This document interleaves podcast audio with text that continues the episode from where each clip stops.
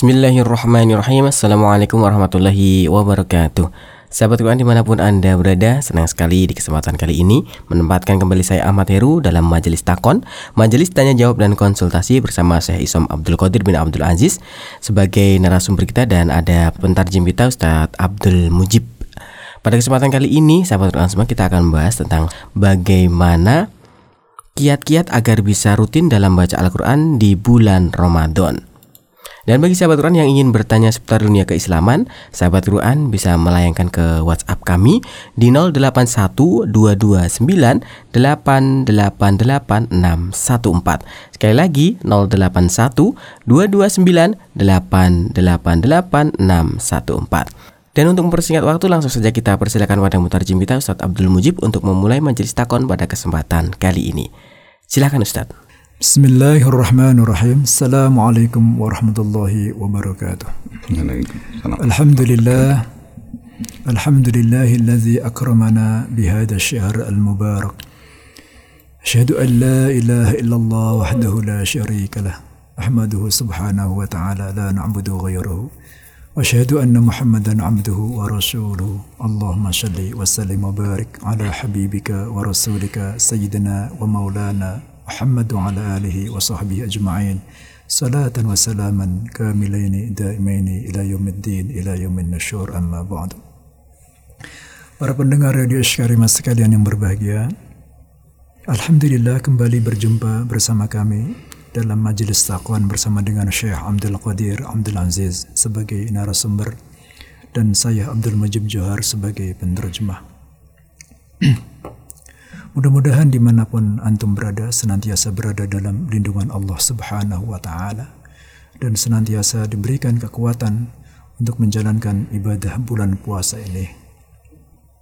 Baik untuk mempersingkat waktu, mari kita bacakan soal yang datang pada hari ini, yaitu kiat bagaimanakah kiat-kiat agar bisa rutin dalam membaca Al-Quran di bulan Ramadan. Saya ulang lagi soalnya, yaitu bagaimana kiat-kiat agar bisa rutin dalam membaca Al-Quran di bulan Ramadan. Amma soal الذي يأتي إلينا اليوم يعني يا شيخي ما هي الكيفيات كيف تكون الكيفيات لنكون مواظبين في تلاوة القرآن خصوصا في شهر رمضان جزاكم الله خيرا على حسن الجواب السلام عليكم ورحمة الله وبركاته. بسم الله الرحمن الرحيم. الحمد لله رب العالمين والصلاة والسلام على أشرف الخلق وأطهرهم وأزكاهم محمد بن عبد الله صلى الله عليه وسلم. الرحمة المهداة والنعمة المسداة والسراج المنير البشير النذير. اللهم أحينا على سنته وأمتنا على ملته وارزقنا شفاعته وأرفقنا صحبته في الفردوس الأعلى. ومتعنا بلذة النظر إلى وجهك الكريم. اللهم آمين يا رب العالمين. اللهم سلمني وسلم مني. اللهم سلمني وسلم مني. اللهم سلمني وسلم مني. أما بعد. قال الله سبحانه وتعالى شهر رمضان الذي أنزل فيه القرآن. وشهر رمضان هو الشهر الوحيد الذي من بين من بين شهور السنة كلها. قال الإمام مالك يكره أن يكون أن يقال رمضان فقط بدون شهر وهذا من باب التعظيم. فقال المالكية عندهم بكراهة كراهة قول رمضان فقط بدون آه بدون إضافة أو بدون آه ذكر كلمة الشهر. فنقول مثلا صمنا رمضان. هذا يجوز لا بأس لأن الصيام دائما يكون في شهر رمضان. يعني نقول صمنا رمضان هذا لأن الإضافة إضافة الصيام إلى شهر رمضان فهذا جائز. لكن حينما نذكر الشهر هكذا فنقول رمضان هذا من الأشياء التي يكرهها المالكي. واستندوا على ذلك أن الله سبحانه وتعالى حينما ذكره ذكره بكلمة شهر رمضان. فلم يقل رمضان فقط فقال شهر رمضان الذي أنزل فيه القرآن. وهذا تعظيما لهذا الشهر الكريم ولما له من فضائل عند الله سبحانه وتعالى. فقال الله سبحانه وتعالى شهر رمضان الذي أنزل فيه القرآن واستدل على ذلك المالكية أيضا. قال المالكية بأن رمضان اسم من أسماء الله سبحانه وتعالى. يعني قال الإمام مالك واستدلوا على ذلك بحديث وإن كان الحديث ضعيف يعني أن رمضان لا تقولوا رمضان ولكن قولوا شهر رمضان فإن رمضان اسم من أسماء الله سبحانه وتعالى. وقد جاء في حذائر القدس أن رمضان له ستون اسما.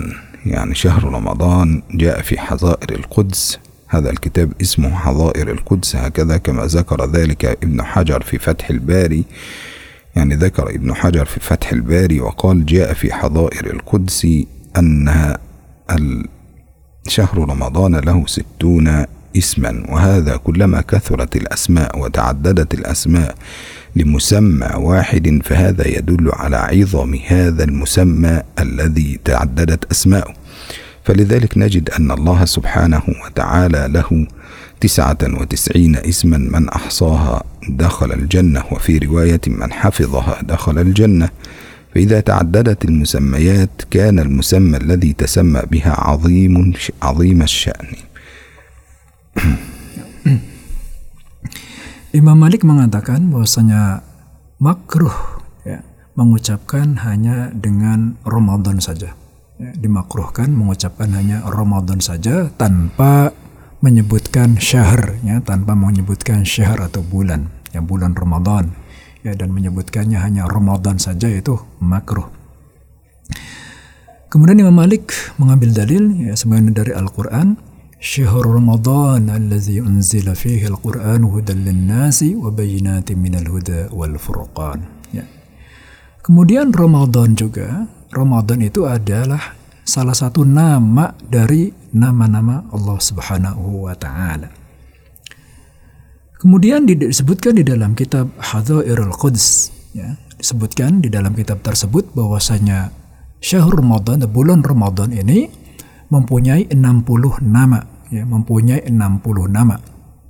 Dan sesuatu ya yang mempunyai nama banyak, ya, sesuatu yang mempunyai nama banyak itu menunjukkan apa? Menunjukkan keagungannya sesuatu tersebut, ya, menunjukkan keagungannya sesuatu tersebut. Sebagaimana Allah Subhanahu wa taala mempunyai asm ism punya nama 99 nama itu menunjukkan apa? Menunjukkan keagungan Allah Subhanahu wa taala. Ya, sebagaimana disebutkan di dalam hadis inna lillahi tis'un wa tis'ina isman faman hafadhaha dakhala jannah. Ya, sesungguhnya Allah Subhanahu wa taala mempunyai 99 nama. Barang siapa yang menghafalkannya, maka dia akan masuk surga. Tetapi apabila seseorang hanya menyebutkan saya berpuasa Ramadan, ya, saya berpuasa Ramadan itu boleh-boleh saja. Ya, itu boleh-boleh saja karena menisbatkan ya, menisbatkan puasa pada Ramadan artinya ada mesti itu pada bulan Ramadan. Tapi ketika kita menyebutkan uh, Ramadan saja tanpa menyebutkan bulannya, tanpa menyebutkan syahr Ramadan atau tanpa menyebutkan bulan Ramadan itu dikatakan oleh Imam Malik bahwasanya makruh. ويستحب في هذا الشهر للإنسان أن يكثر فيه من خصال الخير يعني يستحب في هذا الشهر للإنسان أن يكثر من خصال الخير وأن يكثر من الصدقات وأن يكثر من ذكر الله سبحانه وتعالى. وأفضل الذكر كما جاء عن النبي صلى الله عليه وسلم هو قراءة القرآن. فأفضل الذكر هو قراءة القرآن. وفي رواية من أراد أن يحبه الله ورسوله فليقرأ القرآن. من أراد في رواية من أراد أن يحب الله أن يحبه الله ورسوله فليقرأ القرآن. وفي رواية أخرى من أراد أن يحبه الله ورسوله فليقرأ في المصحف. يعني معنى ذلك يقرأ القرآن. وبناء على ذلك فإننا أمام قضية يبحث عنها الناس جميعا في رمضان. لكن الحقيقة الناس مع القرآن على أصناف. فقارئ يقرأ القرآن يعني حافظ يحفظ القرآن ويقرأه حافظ الأول. حافظ يحفظ القرآن ويقرأه ويعلمه ويتعلمه ويفهمه. يبقى إذا أول رتبة من هذه الرتب الحافظ الذي يقرأ القرآن يعلم القرآن يتعلم ما يرتبط بالقرآن يفهم آيات القرآن أي يفهم ما يقول. وهذا الذي يسمى بالماهر يعني الذي يسمى بالماهر بالقرآن. إذا الماهر بالقرآن ليس الذي يقرأ بدون أن يفهم لا. الماهر بالقرآن هو الذي يقرأ ويفهم ويعلم ويتعلم ويبحث في آيات القرآن حتى يبحث ما فيها ويفهم كل ما جاء فيه. الصنف الثاني وهذا يقرأ القرآن دائما ويحافظ أو يحافظ على قراءتي الصنف الثاني وهو حافظ للقرآن لا يفهم معانيه لكنه يقرأه ويردده. إذا هذا حافظ للقرآن لكنه لا يفهم معاني القرآن أو لا يفهم أي شيء لكن يقرأ وهذا يأخذ الأجر أيضا. وهذا يعني آه آه من عامة المسلمين. طيب الصنف الثالث قسم يهجر القرآن ويقرأه في كل جمعة فقط ومثال ذلك أو يقرأه في الصلوات. مثال ذلك الذي يقرأ سورة الكهف في كل يوم جمعة. وهذا نوع من أنواع هجر القرآن لكنه يعني يعاهده قليلا وقليلا. فهذا يعني أمره آه، ما بين خير وما بين شر ما بين صواب وما بين خطأ هكذا. يبقى إذا أصناف الناس مع القراءة حينما ننظر صنف يقرأه كل يوم لكنه يعلمه ويتعلمه ويفهم معانيه ويحفظه وهذا ماهر أو مع السفرة هكذا. الثاني هو الماهر وهو الذي آه، يحفظ القرآن لكنه لا يفهم معانيه يعني ماهرا في قراءته هكذا. أما الثالث فهو الذي يهجر القرآن أسبوعا كاملا لكن يقرأه في كل يوم جمعة. وهناك من يهجر القرآن ولا يقرأه إلا في كل سنة مرة وهذا الذي يقرأ في رمضان. فيهجر المصحف ولا يرجع إليه إلا في كل سنة مرة.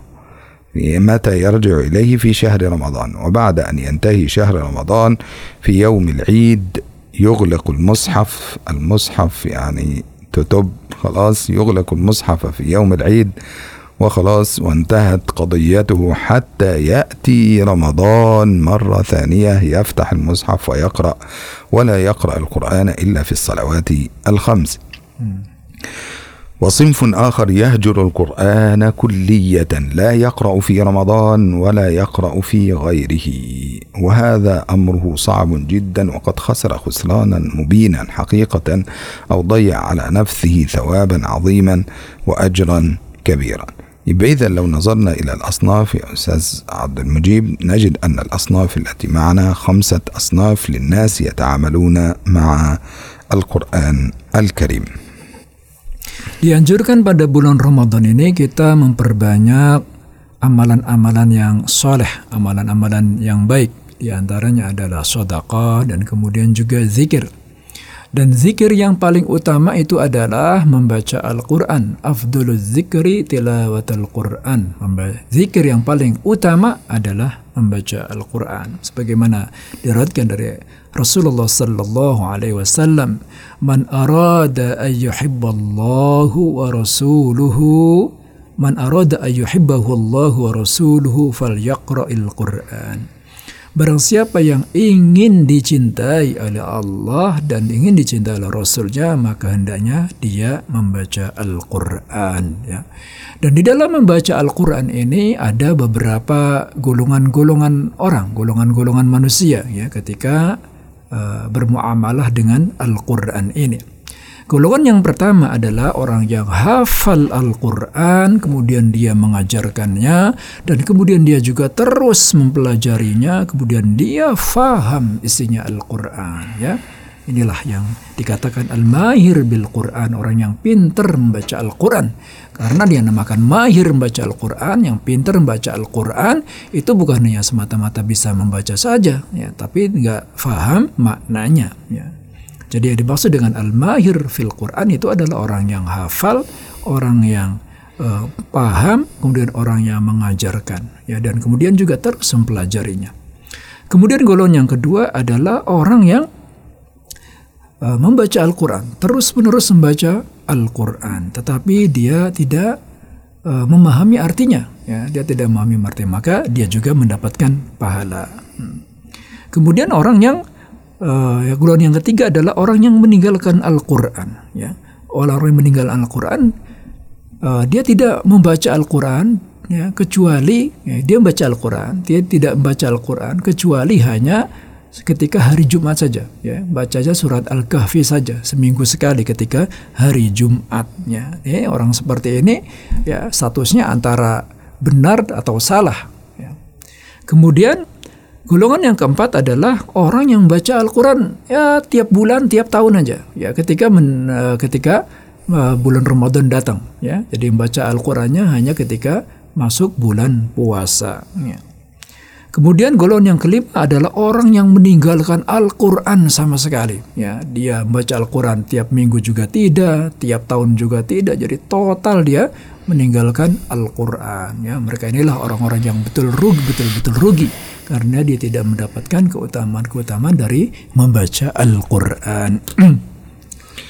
وكل واحد له طريقة تعامل خاصة مع القرآن سواء في رمضان أو في غير رمضان. فأما الذي يحفظ ويفهم ويردد كل يوم ويتعاهد القرآن في كل يوم فهذا لا يجد مشقة في الصيام فهذا يمكن أن يختم ختمة اثنين ثلاثة أربعة خمس ختمات في رمضان ممكن يصل إلى ست ختمات في رمضان لا بأس هذا بحسب قدرتي وبحسب فهمي وبحسب طاقتي لأن القرآن أصبح سهلا ويسيرا عليه. لأنه يستطيع ممكن يستطيع أن يأتي بالقرآن كامل في ثلاثة أيام وممكن يستطيع أن يأتي في يومين إذا كان متفرغا للقراءة والفهم فقط في رمضان. وبعض الناس يستطيع أن يأتي في يوم حسب استطاعته وحسب ما أعطاه الله عز وجل من قدرة في القراءة. ولكن الأفضل أن يقرأ في كل خمس مرة أو في كل ست مرة. وهذا يعني لما سئل الإمام الشافعي عن ذلك قال يكره قال يكره أن يختم في كل آه أن يختم يعني يكره أن يختم آه قبل ستة أيام يعني يقرأ في كل جزء خمسة. يقرأ في كل يوم خمسة أجزاء. يعني قال يكره له أن يختم قبل ست. هذا مكروه. لكن هل هذا مثلا يمنع الإنسان بهذه الطريقة؟ لا طبعا لا يمنع أن يزيد الإنسان فيختم في ثلاثة أيام يختم في أربعة لا بأس وهذا عند جمهور العلماء. ولما كره الإمام الشافعي هذا الأمر كرهه حتى لا يظن الناس يعني كرهه حتى لا يتلاعب الناس بالقرآن. ويريد الإمام الشافعي أن يقرأ الناس القراءة بتدبر فقال الإمام أحمد آية بتدبر خير من ألف آية بدون تدبر. يعني آية واحدة بتدبر خير من ألف آية بدون تدبر.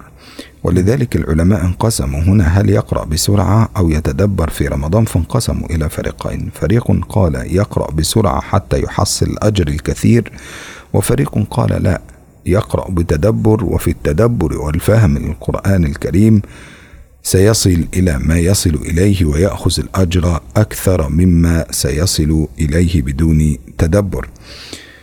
لكن هنا يعني ولذلك قالوا أن الله عز وجل قد عاب على الذين لم يتدبروا القرآن فقال أفلا يتدبرون القرآن أم على قلوب أقفالها؟ وبالتالي على الإنسان أن يقرأ القرآن بتدبر وتمعن ويفهم آياته ومعانيه ليس شرطا هكذا. ولذلك هؤلاء الذين قالوا آه، يكره له أن يختم قبل ستة أيام يعني بمعنى أن يقرأ في كل يوم خمسة أجزاء. بإذن الحالة الأولى التي معنا وهو الماهر والماهر يستطيع أن يقرأ كثيرا في القرآن. وعلى الناس ألا تقارن بعضها ببعض. فلا يقرأ واحد في كتب السلف أن الإمام الشافعي كان يختم في رمضان ستين ختمة الحقيقة أن هذا الأمر يعني بعض العلماء لم يقبله. يعني بعض العلماء منهم الشيخ مصطفى العدوي وكثير من آه والشيخ ابن باز وكذلك الشيخ ابن عثيمين قالوا هذا لا يمكن. هذا لا يمكن وهذا أمر مستحيل أن يأتي بختمتين في يوم واحد. يعني أن يأتي بالختمتين في يوم واحد هذا مستحيل. مستحيل أن يأتي بستين ختمة في رمضان وهذا شيء لا يقبله العقل. وبالتالي إيه؟ إلا من وفقه الله عز وجل وهداه لذلك. لكن إن كان فعل ذلك نسأل الله السلامة. لكن هم لم يؤيدون هذا الأمر. وإن وكثير من العلماء أيضا يعني مثال مثلا ذكروا أن عثمان بن عفان كان يختم القرآن كل يوم مرة في رمضان.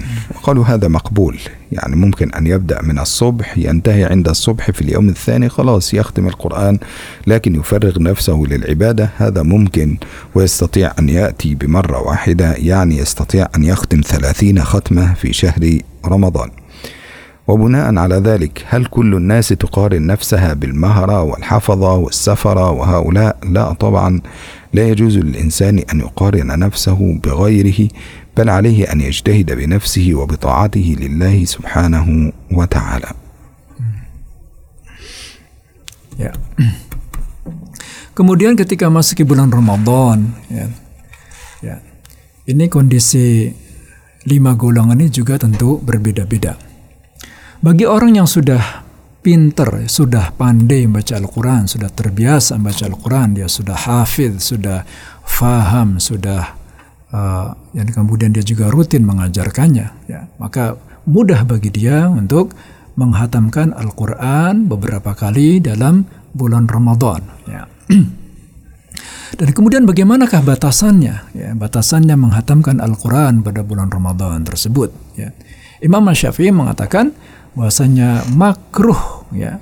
Menghatamkan Al-Quran kurang dari enam hari ya. Makruh menghatamkan Al-Quran kurang dari enam hari. Ini artinya dalam sehari itu dia harus membaca lima juz ya. Dalam sehari dia harus membaca lima juz. Tentu ini bergantung kepada kondisi masing-masing ya.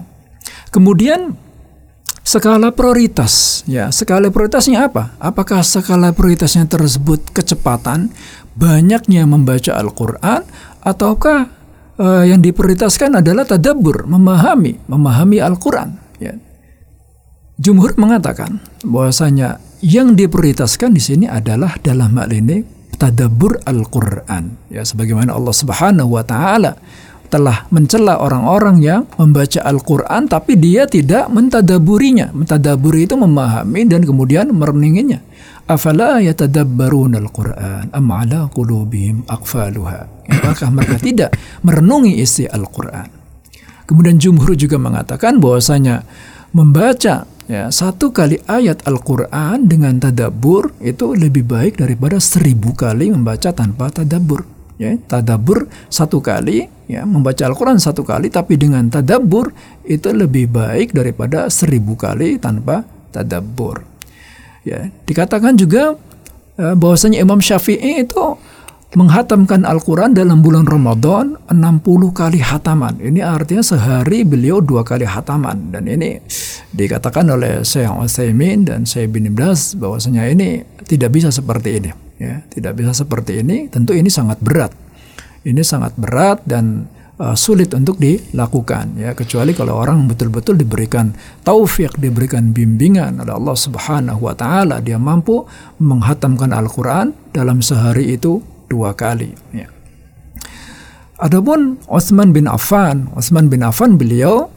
menghatamkan Al-Quran itu dalam bulan Ramadan 30 kali. Ini artinya satu hari itu beliau satu kali hataman, ya, satu kali hatam. Itu baik, ya. Tapi kita tidak boleh membanding-bandingkan, tidak boleh membanding-bandingkan kondisi seseorang dengan orang lain. Tentu disesuaikan dengan kondisinya masing-masing. Ada yang bisa hatam dalam seminggu, ada yang bisa hatam dalam uh, tiga hari, ada yang bisa hatam dalam satu hari. Tentu ini berkaitan juga dengan uh, individunya, ya maka tidak boleh seorang itu membanding-bandingkan. Jadi bagaimana? Seharusnya seseorang tuh, seharusnya dia berusaha ya semaksimal mungkin sesuai dengan kemampuannya di dalam membaca Al-Quran dan tidak perlu membanding-bandingkan dengan orang lain. Sesuai dengan kondisinya saja. وهذه المجموعة المجموعة الأولى التي تفهم القرآن وتحفظ وكذلك المجموعة الثانية التي تقرأ بدون أن تفهم لكنها تحفظ القرآن وتردده وت... يعني بدون أن تفهم معانيه لكن ماهرة في قراءته المجموعتين يعني هاتين المجموعتين لا يختلف عندهم رمضان وغير رمضان فرمضان عندهم مثل غير رمضان. ما الفارق بين هذا؟ هو الفارق أنه دخل في شهر عظيم له فضل كبير سيأخذ ثواب أكبر لكن هي أيامه كلها رمضان. أيام السنة كلها بالنسبة إليه رمضان. فهو في كل يوم يرتب لنفسه بأن يقرأ خمسة أجزاء أو يقرأ ستة أجزاء أو يقرأ عشرة أجزاء كما يرتب لنفسه.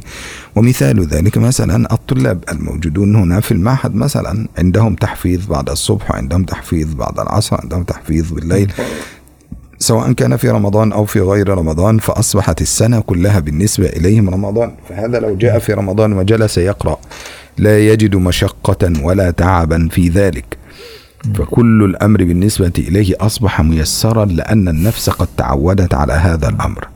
وبناء على ذلك إذا تعودت النفس على شيء خلاص أصبح هذا الشيء بالنسبة إليها سهلا وميسورا. وخذ مثالا مثلا الذي لم يتعود الصيام أبدا فيأتي في أول يوم في رمضان تجده يعني عنده صداع وعنده يشعر بالجوع ويشعر بالتعب ويشعر بأن رمضان ثقيل حتى يوم يومين ثلاثة يبدأ يتعود على الصيام مرة واثنين وثلاثة ويبدأ يتعود بعد يوم يومين ثلاثة فيصبح الصيام عليه سهلا فيصبح الصيام عليه سهلا. ولذلك تجد مثلا من يصوم الستة من شوال يعني من يصوم الستة من شوال بعد العيد مباشرة يعني بعد عيد الفطر مباشرة في اليوم الثالث مثلا أو الثاني تجد أن الصيام ما زال ما زال سهلا عليه ويسيرا لأنه في هذا الأمر يعني قد تعود على صيام رمضان فلم يوجد إيه فلم يوجد فرق بين هذا خلاص. بخلاف الذي يفطر خمسة أيام ستة أيام أو عشرة أيام ثم بعد ذلك يصوم يوما ويوم فيجد الصيام عليه إيه؟ قد بدأ يكون صعبا. ولذلك كذلك الذي يترك القراءة أو الذي لم يتعود على القراءة يدخل هكذا. ولذلك الشيخ علي الطنطاوي يقول لمن يهجر القرآن أو من لم يتعود على قراءة القرآن عامل القرآن عامل القرآن كأنه رجل بينك وبينه مشكلة وقد أخطأت في حقه. عامل القرآن كأنه رجل بينك وبينه مشكلة وقد أخطأت في حقه. فإذا أردت أن تصالحه أن تصالح هذا الشخص الذي حدثت بينك وبينه مشكلة فإذا أردت أن تصالحه فتكلمه كلمة على استحياء أو كلمتين على استحياء. ففي هذا اليوم تكلمه كلمة وفي اليوم الثاني تكلمه اثنين في اليوم الثالث تكلمه ثلاثا حتى يصبح بينك وبينه حديث ويعود الحديث بينك وبينه مرة ثانية. وكأن الشيخ علي الطنطاوي أديب الفقهاء يريد أن يقول لنا لمن كان يهجر القرآن ابدأ قليلا قليلا لأنك قد هجرته وهو يغضب منك أو مثل الصديق الذي يغضب من صاحبه فهو يأتي. لا يمكن أن تأتي تتكلم معه مباشرة لأنه ما زال قلبه ممتلئ بالغيظ والغضب منك. فعليك أن تكلمه كلمة اثنين ثلاثة حتى يصفو لك قلبه فيبدأ يفتح معك حديثا جديدا. Kemudian untuk yang golongan yang kedua. Kalau golongan yang pertama tentu membaca Al-Quran bagi dia ya baik di bulan Ramadan maupun di bulan-bulan selain Ramadan baginya adalah uh, sesuatu yang tidak masalah ya karena memang dia terbiasa ya karena sudah terbiasa membaca Al-Quran maka karena kebiasaannya tersebut maka baginya mudah untuk membaca Al-Quran apalagi di apalagi di bulan Ramadan ya. Tidak ada kesulitan sama sekali untuk membaca Al-Quran. Karena sudah terbiasa membaca Al-Quran baginya Al-Quran adalah sebuah kenikmatan bukan hanya sebuah rutinitas saja seperti yang santri-santri ada di sini, mereka juga selain bulan Ramadan mereka juga terbiasa rutin membaca Al-Qur'an ya. Kemudian di bulan Ramadan mereka juga membaca Al-Qur'an. Maka karena kebiasaannya ini, mereka uh, menjadi mudah ya membacanya ketika bulan Ramadan. Adapun bagi orang yang tidak terbiasa membaca Al-Qur'an, ya ini seperti orang yang uh, tidak terbiasa puasa ya tidak terbiasa puasa. Maka ketika dia masuki puasa bulan apa hari pertama dia merasakan lapar merasakan haus ya. Luar biasa susahnya berpuasa bagi dia ya. Karena dia apa? Karena dia uh, tidak terbiasa dengan puasa. Tapi kemudian masuki hari kedua, hari ketiga, hari, semakin terbiasa, semakin terbiasa, semakin terbiasa, akhirnya menjadikan ringan. Ya, demikian. Maka Eh, ada nasihat dari Syekh Ali Tantawi ya, seorang adibul fuqaha, seorang faqih ya, seorang faqih ini juga ahli sastra. Bagaimana kiat-kiat membaca Al-Qur'an ya bagi orang yang uh, tidak terbiasa membaca Al-Qur'an ya. Beliau mengatakan, "Amilil Qur'an ka'annahu rajulun bainaka wa bainahu mushkilah wa idza aradta an tusalihahu ya takalla takallam ala ilaihi al-istihya."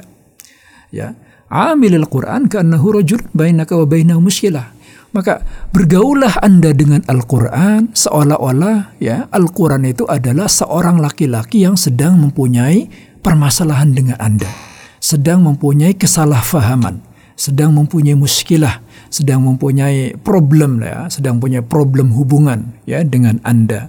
Maka ketika Anda ya ingin apa uh, berdamai kembali, ingin berbaikan kembali dengan orang yang uh, bermasalah, maka tentu Anda pertama-tama berkata dengannya dengan malu-malu ya, dengan pelan, dengan malu ya. Kemudian ya sebentar berhenti ya. Kemudian satu saat lagi menyapa lagi, berbicara lagi dengan malu-malu. Demikian sesering mungkin. Sehingga kalau dia sudah sering berbicara, sudah sering komunikasi dengan orang yang sedang dia uh, mempunyai muskilah tersebut, lama kelamaan pembicaranya jadi enak. Lama kelamaan jadi cair hubungannya ya. Kalau sudah cair kan enak komunikasinya itu menjadi lancar, menjadi baik dan hubungannya menjadi normal kembali. Uh, para pendengar radio sekalian sekalian berbahagia, demikianlah kajian kita. Insya Allah akan kita lanjutkan pada sesi majelis takon yang berikutnya. Mudah-mudahan Allah Subhanahu wa Ta'ala memberikan kepada kita kesempatan untuk kembali berjumpa dalam majelis takon yang berkah ini. Ya, jazakumullah khairan atas perhatiannya. Wassalamualaikum warahmatullahi wabarakatuh. Waalaikumsalam warahmatullahi wabarakatuh. Sahabat Quran di mana pun Anda berada Demikian tadi Majelis Takon Majelis Tanya Jawab dan Konsultasi bersama saya Isom Abdul Qadir bin Abdul Aziz Dan mutarjim kita Ustadz Abdul Mujib Pada kesempatan kali ini yang membahas tentang Bagaimana kiat-kiat agar bisa rutin membaca Al-Quran di bulan Ramadan.